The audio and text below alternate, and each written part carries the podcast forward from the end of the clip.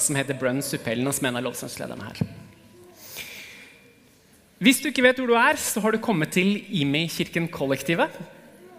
Vi er en ganske ny forsamling i byen her, eller forholdsvis ny.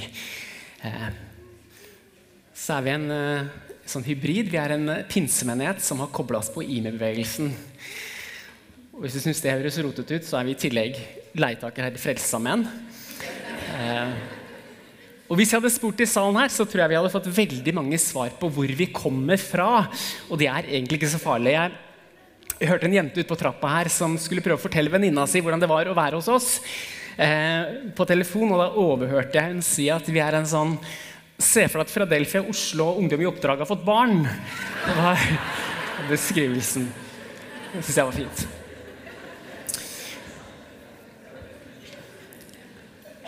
Hvis du legger at vi har foreldre i Stavanger, så er bildet ganske komplett. Det er medarbeidersamling på tirsdag. Du har begynt å gå i en kirke som heter Kollektivet, så det forplikter ørlite grann. Så jeg gleder meg til å se alle sammen på tirsdag.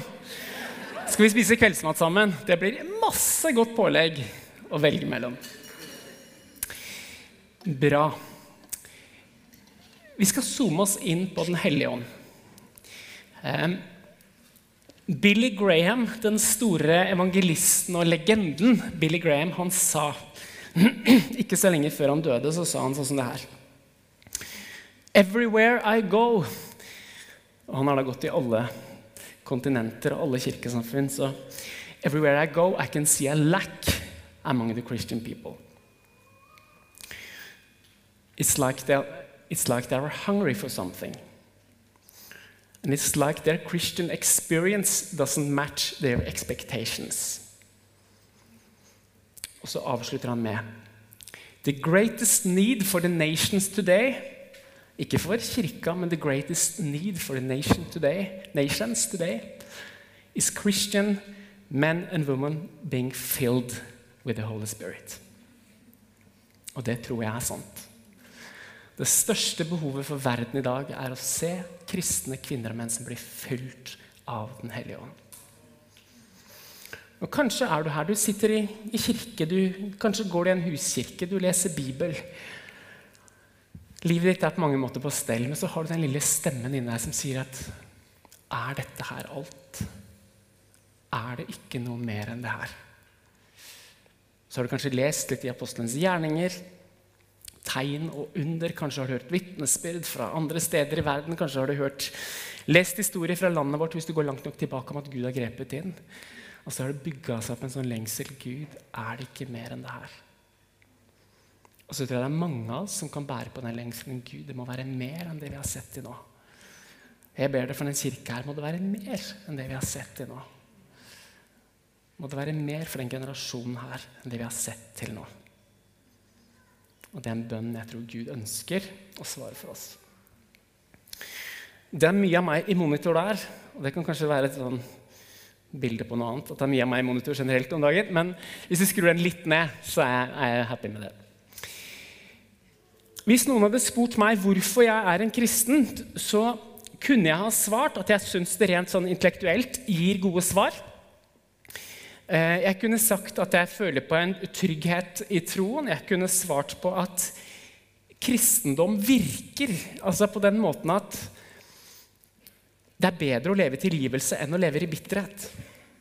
Det er noen sånne praktiske prinsipper som virker. Det er bedre å gi enn å få. Men hvis jeg skal være helt ærlig på hvorfor jeg er en kristen, og i hvert fall hvorfor jeg er en pastor i dag, så er det fordi jeg syns at det kristne livet er utrolig spennende. Jeg vokste opp som barn i en menighet hvor det var vekkelse. Det var stor vekkelse blant det vi kaller romfolk, altså det reisende folket. Det var 200-300 stykker som ble, kom til tro på Hamar, der jeg bodde. Og fra uke til uke kunne vi se mennesker som lå under for alkohol, som levde i vold, dårlige relasjoner, komme til tro. Eh, og se hele familier forandra. Og Det la et sånt merke i livet mitt helt fra barnsben av. Og så har jeg fått se mennesker bli helbreda. Ikke bare sånn forkjølelse som forsvinner litt, men mennesker, crippled people som er blitt helbreda foran øynene på meg. Så jeg har sett mennesker som har reist og bare spasert ut av avhengighet. Og kanskje mer enn det, så kan jeg stå opp om morgenen og vite at jeg har en sånn full tilgang på himmelen.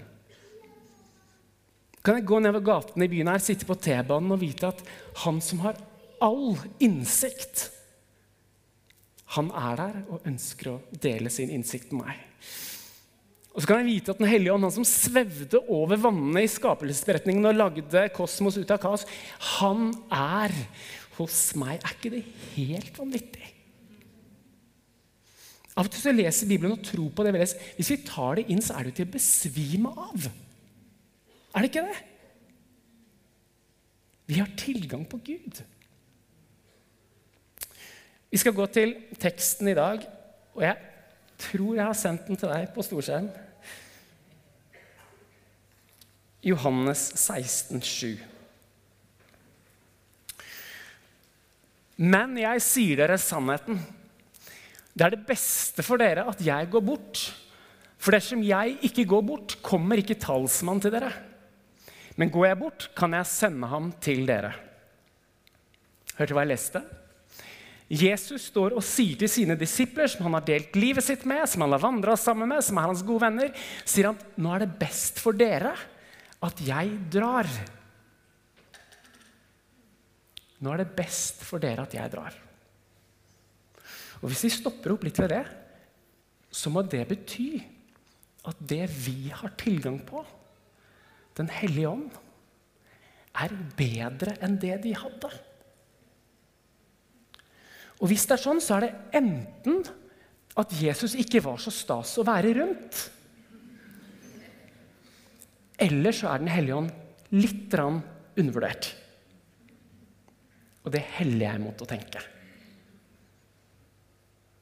Det er ganske radikalt han sier vet du hva, nå er det bedre for dere at jeg stikker, for det som kommer, det blir bedre. Er ikke det også helt utrolig? Når jeg skulle si noe om Den hellige ånd i dag, så kjente jeg at det ble utrolig vanskelig for meg. for Det er lett å snakke om de gavene Den hellige ånd kommer med. Det er lett å snakke om frukt som Den hellige ånd gir oss. Men så si noe om Den hellige ånd, det er sånn Han er jo alt. Det er jo han som er der hele tiden. Som kjenner alle mine tanker. Det er jo han som er der. Trekk meg mot Gud. Det er jo han som er der hele tiden. Går det an å si noe om han? Og jeg skal prøve på det. Um, jeg skal prøve på det. Si litt om Den hellige ånd. Jeg føler at jeg ligger på sånn frekvens hvor jeg nesten feeder hele tida. Det kan hende bare når jeg hører. Og hvis det bare er det, så er det greit. Hver gang man skal snakke om treenigheten, så jeg, liksom, tenker jeg på en vits som jeg hørte for lenge siden om lille Marit. Og den går sånn som det her. At lille Marit er i naturfagsrommet, og så spør læreren er det noen her i klasserommet som kan fortelle meg eller forklare hvordan dette med strøm og elektrisitet fungerer. Og så er det ingen som rekker opp hånda utenom lille Marit. Og så når læreren sier til henne vet du, Marit, forklar, så har hun glemt hva hun skal si. Og så utbytter læreren Søren, du er den eneste gjennom hele historien som egentlig har forstått dette her. Sånn er det litt med Den hellige ånd nå. Eller sånn er det med treenigheten nå. Er det noen som egentlig har forstått det? Kanskje egentlig ikke. Men vi har noen ord på det. Og jeg føler at det med Gud som far og som skaper, det har mange av oss landa litt. Rann. Det at Jesus er vår frelser som kom i kjøtt og blod for å skape fred mellom oss og Gud, det føler jeg også at mange av oss måtte ha et bilde av. Men så er det Hellig Ånd, da. Han som har så veldig mange navn. Rådgiver, talsmann, Guds ånd, åpenbaringsånd. Masse, masse ord og navn på han i Bibelen. Jeg syns det er interessant at det ordet Jesus bruker mest om Den hellige ånd, det er 'hjelper'. Gjennom oversettelsen kommer det fram litt forskjellig 'comforter', 'rådgiver', sånne ting. Men det ordet det kommer fra det samme ordet 'hjelper'. Og det passer fint, for den bønnen som kanskje flest av oss ber oftest, det er 'hjelp, Gud'. Eller Hellige Ånd, hjelp meg. Nå skal jeg ganske kort. Vi skal ha en liten logistikktrening her etterpå med en del nattverd. Jeg skal prøve kort, og skal jeg dele litt om Den hellige ånd. Og nå er jeg litt inspirert av brylluper og, og konfirmasjoner, og sånt, så jeg skal dele liksom, på hvert, hver bokstav i hjelp. For det er en bønn jeg tenker vi kan be. Så kan vi tenke litt gjennom hva er det vi får når vi sier 'hjelp til Den hellige ånd'. Ok? Er dere våkne? Ok, Så vi snakker om å bli fylt av Den hellige ånd. Eh, og For å komme dit skal dere bare gi meg tre minutter til å lage en liten ramme rundt det. For helt i starten av den boka her, sånn, de første bladene, så går Adam og Eva sammen med Gud i en hage. Ingen barriere mellom Gud og menneske. Alt er fantastisk bra. Hvis du så går til den helt siste siden i denne boka her også, så er alt bra. Da har Gud gjenoppretta en ny himmel og en ny jord, og Gud bor sammen med sitt folk. Alt er bra. Men så er det ørlite grann trøbbel mellom første og siste side i denne boka her.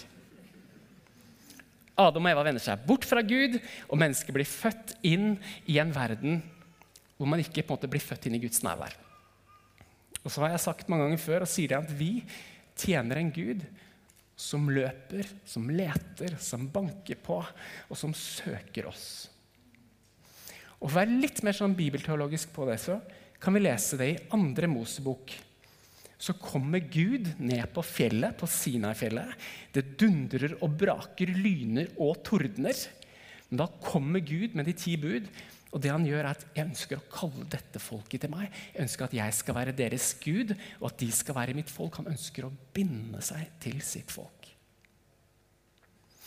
Og Så går det noen kapitler til, og ganske langt, eller noen kapitler til i andre Mosebok mot slutten der så er det ikke bare at Gud ønsker å komme på besøk, men han ønsker å være blant sitt folk. Så de får i oppdrag å bygge et tabernakel. Det er ikke et ord vi bruker så ofte, men det var en, en fantastisk kiste hvor, hvor, de ti bud lå oppi, og som Gud hadde sagt her skal jeg være manifestert til, side, til stede. Når de stoppa opp, så lagde de en sånn telthelligdom rundt dette tabernakelet. Jeg har bare lyst til å lese litt hva som står om denne kisten for Herrens sky lå over boligen om dagen, og om natten lyste den som ild for øynene på hele Israels hus, så lenge vandringen varte. Gud sa til dette hva? Jeg har ikke lyst til å bare besøke dere, jeg har lyst til å være med dere. Og så bar de Guds nærvær med seg på vandringen. Så kommer vi til tempelet, og dette er kanskje liksom høydepunktet i israelittenes historie. egentlig. Da har Salomo bygga tempelet, og det har blitt sentrum i livet deres. i det israelitiske folk og i nasjonen der. Da kunne man komme til tempelet og tilbe Gud. Kunne man komme til tempelet og bli forsona med Gud ved å ofre. Man kunne feire Gud osv. Eh, men fortsatt så var det bare for noen, eller rettere sagt for én, én prest som kunne gå inn i det aller helligste et rom der hvor Guds nærvær var manifestert i stedet. Så det er fortsatt for de få. Og Så kommer vi til noe som heter eksilet.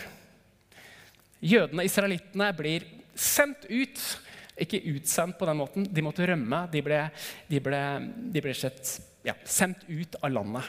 Og Da står det i Esekiel, en bok i Bibelen, står det at helt konkret så forlot Guds nærvær tempelet. Nå var jo ikke tempelet en del av livet deres, de bodde alle andre steder enn i Jerusalem. Så nå er det eksil, det er Esekiels tid, og man lurer på hvor er Gud? Nå er dette borte. Og så går det 400-500 år, og så kommer vi til i Johannes evangeliet, i første kapittel her, så står det at så kom ordet, logos, kom til verden kom til jorda, ble menneske og tok bolig iblant oss. Så fra en pakt via et tabernakel, et tempel, så er det sånn at nå bor Gud i Jesus Kristus i denne verden. Jesus er et vandrende tempel. Derfor kunne han si sånne ting som at 'jeg tilgir deg'. Og Det var jo helt utenkelig, for de pleide å dra til tempelet og sone, eller ofre og sone for å bli tilgitt. Men her var Jesus tempelet. Derfor kunne han si sånne ting. og Derfor provoserte han og irriterte så veldig. Og så folkens, kommer vi til apostelens gjerninger, som er alle pinsevenner sånn nasjonal bibelvers.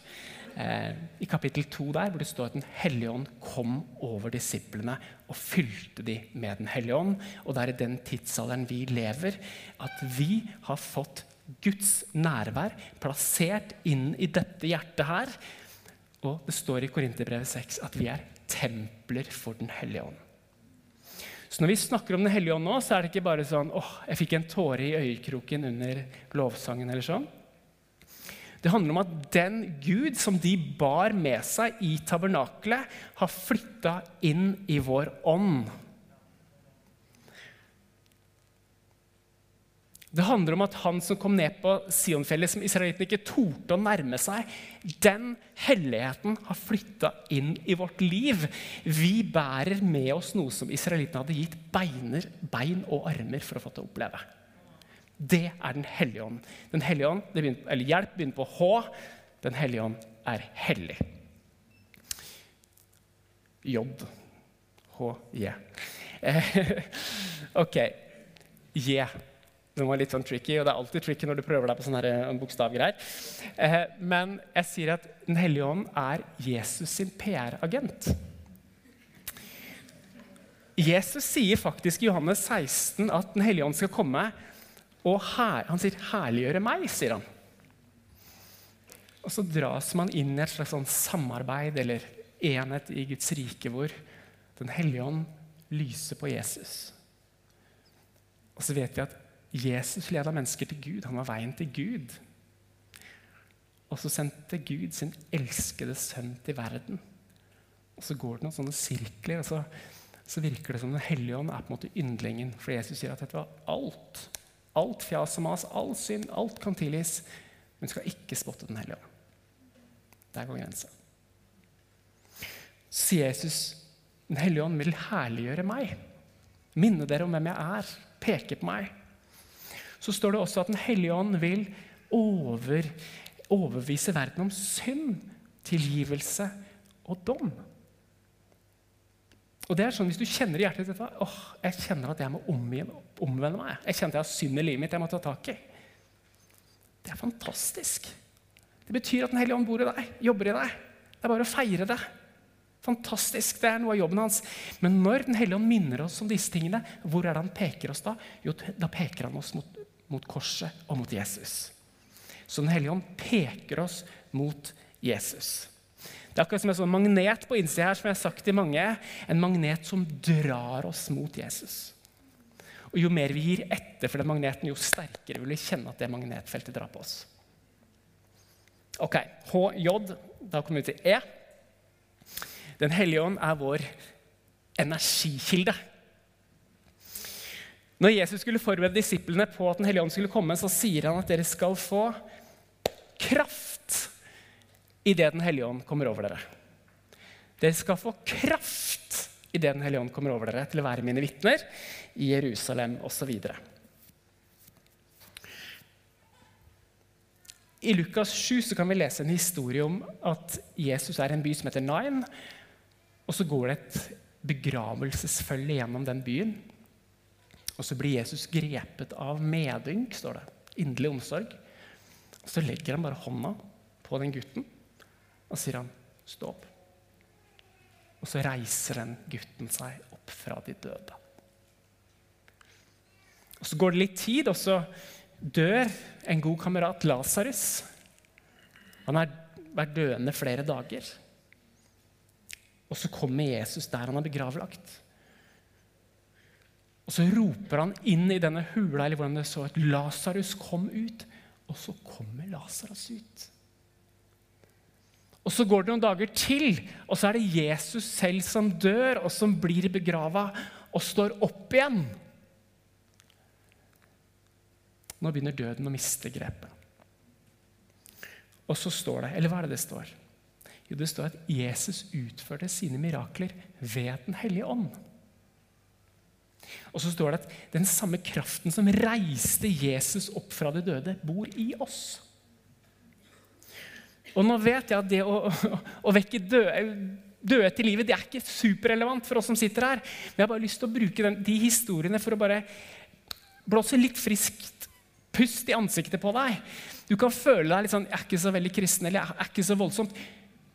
Kanskje ikke, men du har Guds hellige ånd boende inni deg. Du går rundt med Guds tempel inni deg. Det kan hende du ikke føler så innmari sterkt, men du har en ånd inni deg som har en tendens til å reise døde til liv igjen.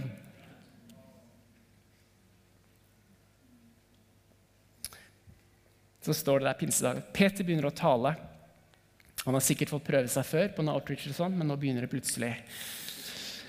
Guds elektrisitet er lagt på disse ordene, og det begynner å smelle. Folk kommer til tro, de begynner å legge hendene på de syke, og de begynner å bli friske. Vi kan bare kjenne at det kobles på Guds energi. Og jeg tror, eller jeg vet, at mange her i rommet vet mye om det her. Det vi kanskje kaller salvelser. At du står og taler, snakker. Og så er akkurat som du kjenner ikke helt igjen hva du sier, for det er akkurat som Gud begynner å tale gjennom deg. Kanskje får du et profetisk ord til noen. Kanskje ber du for noen. Kanskje får du kraft som du ikke visste hvor du skulle ta fra. Som du er leder på jobb, masse utfordringer. Og så kjenner du bare at du kobler på en visdom. Kanskje er du så sliten som mor at du bare Jeg vet ikke hvor jeg får kreftene fra. Og Gud bare har salva meg til å funke gjennom den dagen her. Den hellige ånd gir oss energi. Vi kan koble oss på Guds kraft. Du hører ofte idrettsutøvere si sånn at jeg måtte gå i kjelleren liksom jeg fant krefter jeg ikke visste at jeg hadde. Vi kan også gå i kjelleren og finne disse kreftene. Vi kan også gå til Den hellige ånd og finne kraft som virkelig ikke er vår, men som vi kan få til å koble oss på. Og så står det at vi har ikke fått en ånd som gjør oss motløse. Vi lever i en by som statistisk sett har ekstremt høyt utslag på depresjon. Men vi har ikke fått en ånd som gir motløshet, men som gir kraft og kjærlighet og sindighet. Og det kan vi få lov til å ta ut. Kraft til å stå mot fristelser, kraft til å fortsatt elske mennesker. Kanskje trenger du kraft til å bli stående i en relasjon, kraft til å håpe på morgendagen, kraft til å stå på morgenen. Vi har tilgang på Guds kraft i livet vårt. Da har vi kommet til L, har vi ikke det? kan ikke vi få opp et bibelvers på, på veggen, da? L. Da har vi kommet til at Den hellige ånd er vår lærer.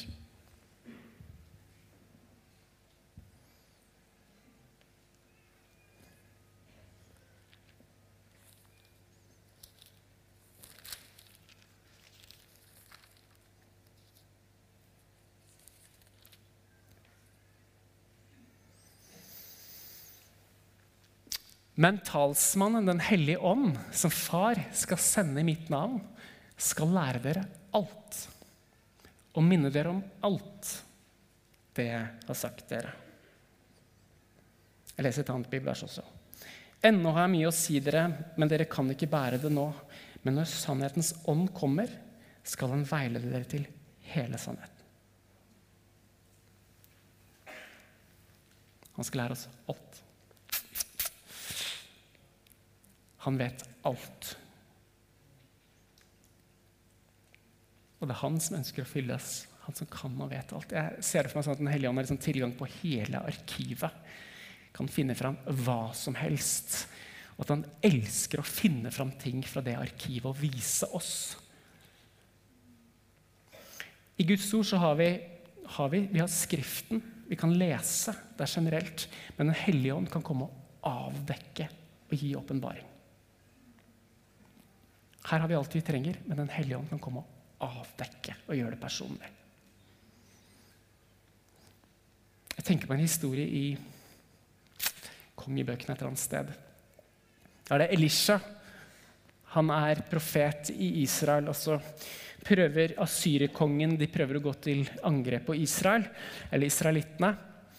Og så er det sånn at profeten Elisha alltid får med seg hva som skal skje. Og han advarer kongen i Israel og de lykkes aldri med å ta Jerusalem eller å ta israelittene. Så skjønner syrerne at det er et eller annet galt. Og så finner de etter hvert ut at det er denne profeten Elisha som hører alt fra Gud, og som sier det videre til kongen, og som ødelegger alt sammen. Og så tenker de, vet du hva, hvis vi klarer å bare stoppe den profeten, så har vi muligheter. Og så er profeten sammen med en tjenestegutt et eller annet sted. Og så kommer syrerne, asyrerne de kommer med alt de har av hester og kjerrer og våpen for å ta denne profeten. og, så, og så står denne tjenestegutten kanskje ute på trappa og pusser tenner. eller et eller annet.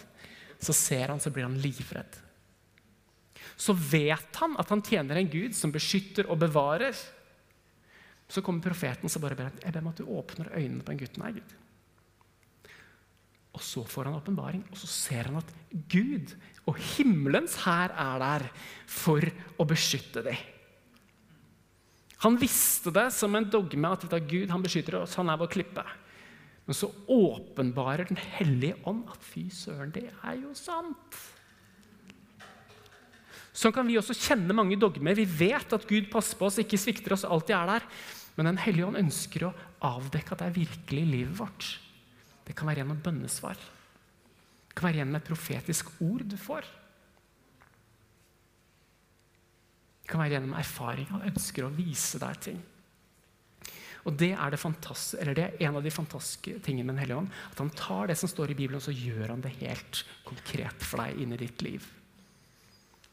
Det står at vi skal gå ut i hele verden og forkynne evangeliet. Men hvor skal du bo?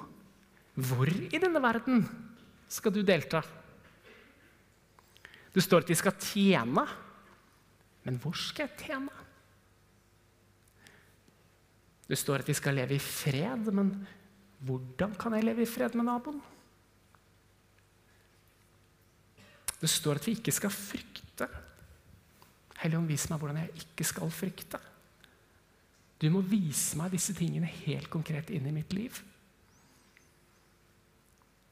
Og Det er det fantastiske at Den hellige ånd er vår lærer. Han ønsker hele tida å lære oss.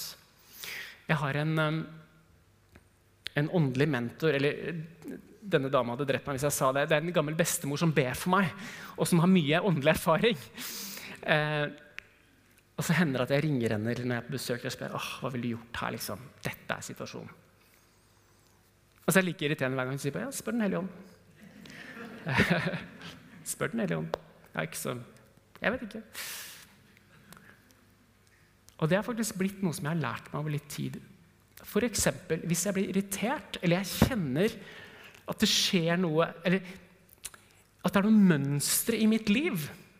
Hvorfor er det sånn det er? Hvorfor reagerer jeg sånn som jeg reagerer nå? Så går det an å stoppe opp og spørre Helligånd, hva er det som skjer i livet mitt nå? Hvis du gir det litt tid, så er det veldig ofte at Den hellige ånd har leda meg til enten en løgn jeg tror på, kanskje noe som er uoppgjort, Kanskje ligger det frykt der. Og så viser han meg hvordan det her funker. Og så kan man ta det. Eller jeg kan gå inn noen dager hvor jeg bare sånn Jeg vet virkelig ikke hvordan jeg skal løse det her. Jeg har virkelig ikke peiling hvordan jeg skal løse det her. Og så går det an å si det til den hel ånd. Jeg har ikke peiling på hvordan jeg skal løse det her. Så er det ikke alltid så voldsomt, men kanskje kan han vise deg et ord, minne deg om noe, sende noen gode rådgivere din vei. Han elsker å undervise oss personlig. Jeg husker jeg hadde en sånn bønnestund med en god venn som heter Andreas Fjellvang. som noen av dere vet hvem er. så, så ba vi sammen, og så dro han fram et papir. Han begynte å liksom skrive så veldig, og sånn, så tenkte jeg oi, nå kom det noe sterkt. Og så skulle vi dele etterpå hva vi hadde fått. Og da viste han fram en tegning. For mens vi hadde bedt, så hadde han fått en sånn snekkertegning av hvordan han skulle fikse huset. Eh, der han bodde. Det var noen vinkler i taket han ikke hadde helt eh, skjønt sjøl. Og så i bønn så hadde han fått vet du, det er sånn her jeg må gjøre dette her. Eh, det er fantastisk. Jeg fikk ikke hvordan jeg skulle snekre. Helt til slutt P. Ok, Den hellige ånd er hellig. Han peker på Jesus. Han er vår energikilde. Han er vår lærer. Og P det står at Den hellige ånd er en pant på vår arv. Det betyr at Gud har lagt noe her som et tegn på noe som skal komme der. Vi kan kjenne at det er noe i vår ånd som sier 'Abba, far', eller som kan si 'pappa' til Gud. Og Det er en slags forespeiling at vi tilhører noe annet. Vi tilhører et annet folk. Så når du kjenner at Den hellige ånd lever i deg, skal du bare vite at det her er også et tegn på at dette ikke er slutten. Dette er tegn på at det er noe som ligger foran, og at jeg tilhører et annet sted. Jeg skal avslutte med en historie som jeg syns er veldig fin, som jeg tipper jeg har fortalt før. Og Det handler om en misjonær som dro til Kongo for lenge lenge, lenge siden sammen med kone og barn. Og På den tida så tok det lang tid med skip å komme til Kongo, eller det som er Sair, eller var Sair. Eh, så drar han dit. Kona dør av sykdom. De to sønnene mister troa eh, og drar til et annet land, så her står han alene. Reiste ut i 20-årene står der i 60 år. Når han er 80 år, så vil han dra tilbake til USA med gravlegges der han kommer fra. Og så er det sånn at Han også må ta skip hjem. Dette er lenge siden. Så han skipes til London. Og så skal han ta skip, eller England et eller annet sted. Og så skal han ta skip fra England til USA. Og så er det sånn at på det skipet på denne reisen Og jeg mener at denne historien her er sann så er også presidenten i USA, som har vært i London, som skal tilbake til USA og kjøre samme skip. Og så står denne misjonæren, 80 år gammel, ser tilbake på et liv som har kosta. Og så ser han mot New York idet de ankommer, og så ser han at det er liv og leven. Det er korps og ballonger og baluba. Fordi at denne presidenten kommer tilbake. Han har vært borte noen dager, noen uker kanskje. Og så har han vært borte i 80 år, og så står han og kjenner på en sånn urettferdighet, kanskje. Og så hører han en stemme som sier, 'Men du er jo ikke hjemme ennå.' 'Men du er jo ikke hjemme ennå. Du tilhører et annet sted.' Når du kommer hjem, så kommer det til å være ballonger og baluba og korps. Det trenger vi å minne oss om, og det minner Den hellige ånd oss om at det ligger noe foran der. Vi skal helt konkret be om at Den hellige ånd skal komme og fylle oss. Eller bestemme selv. Men vi ønsker det. Hvordan skjer det?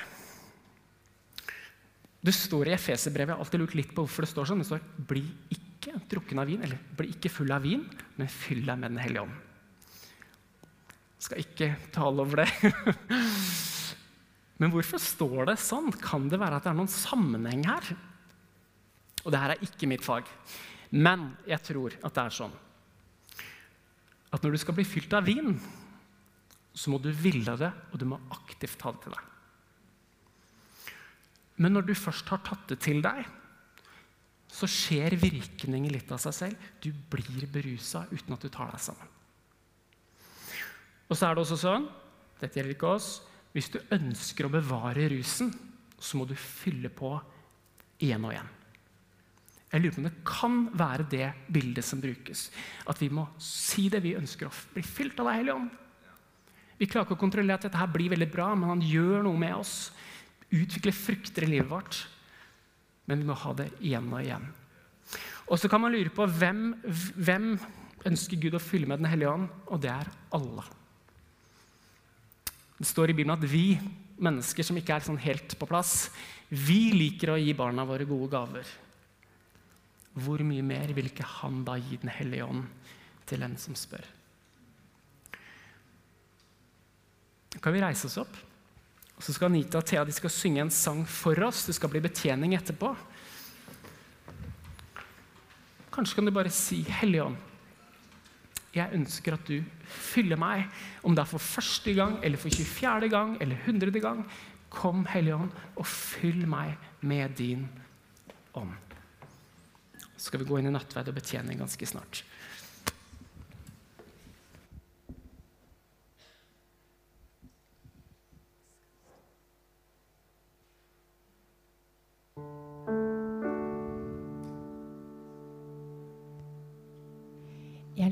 Skal få lov til å sette dere ned igjen.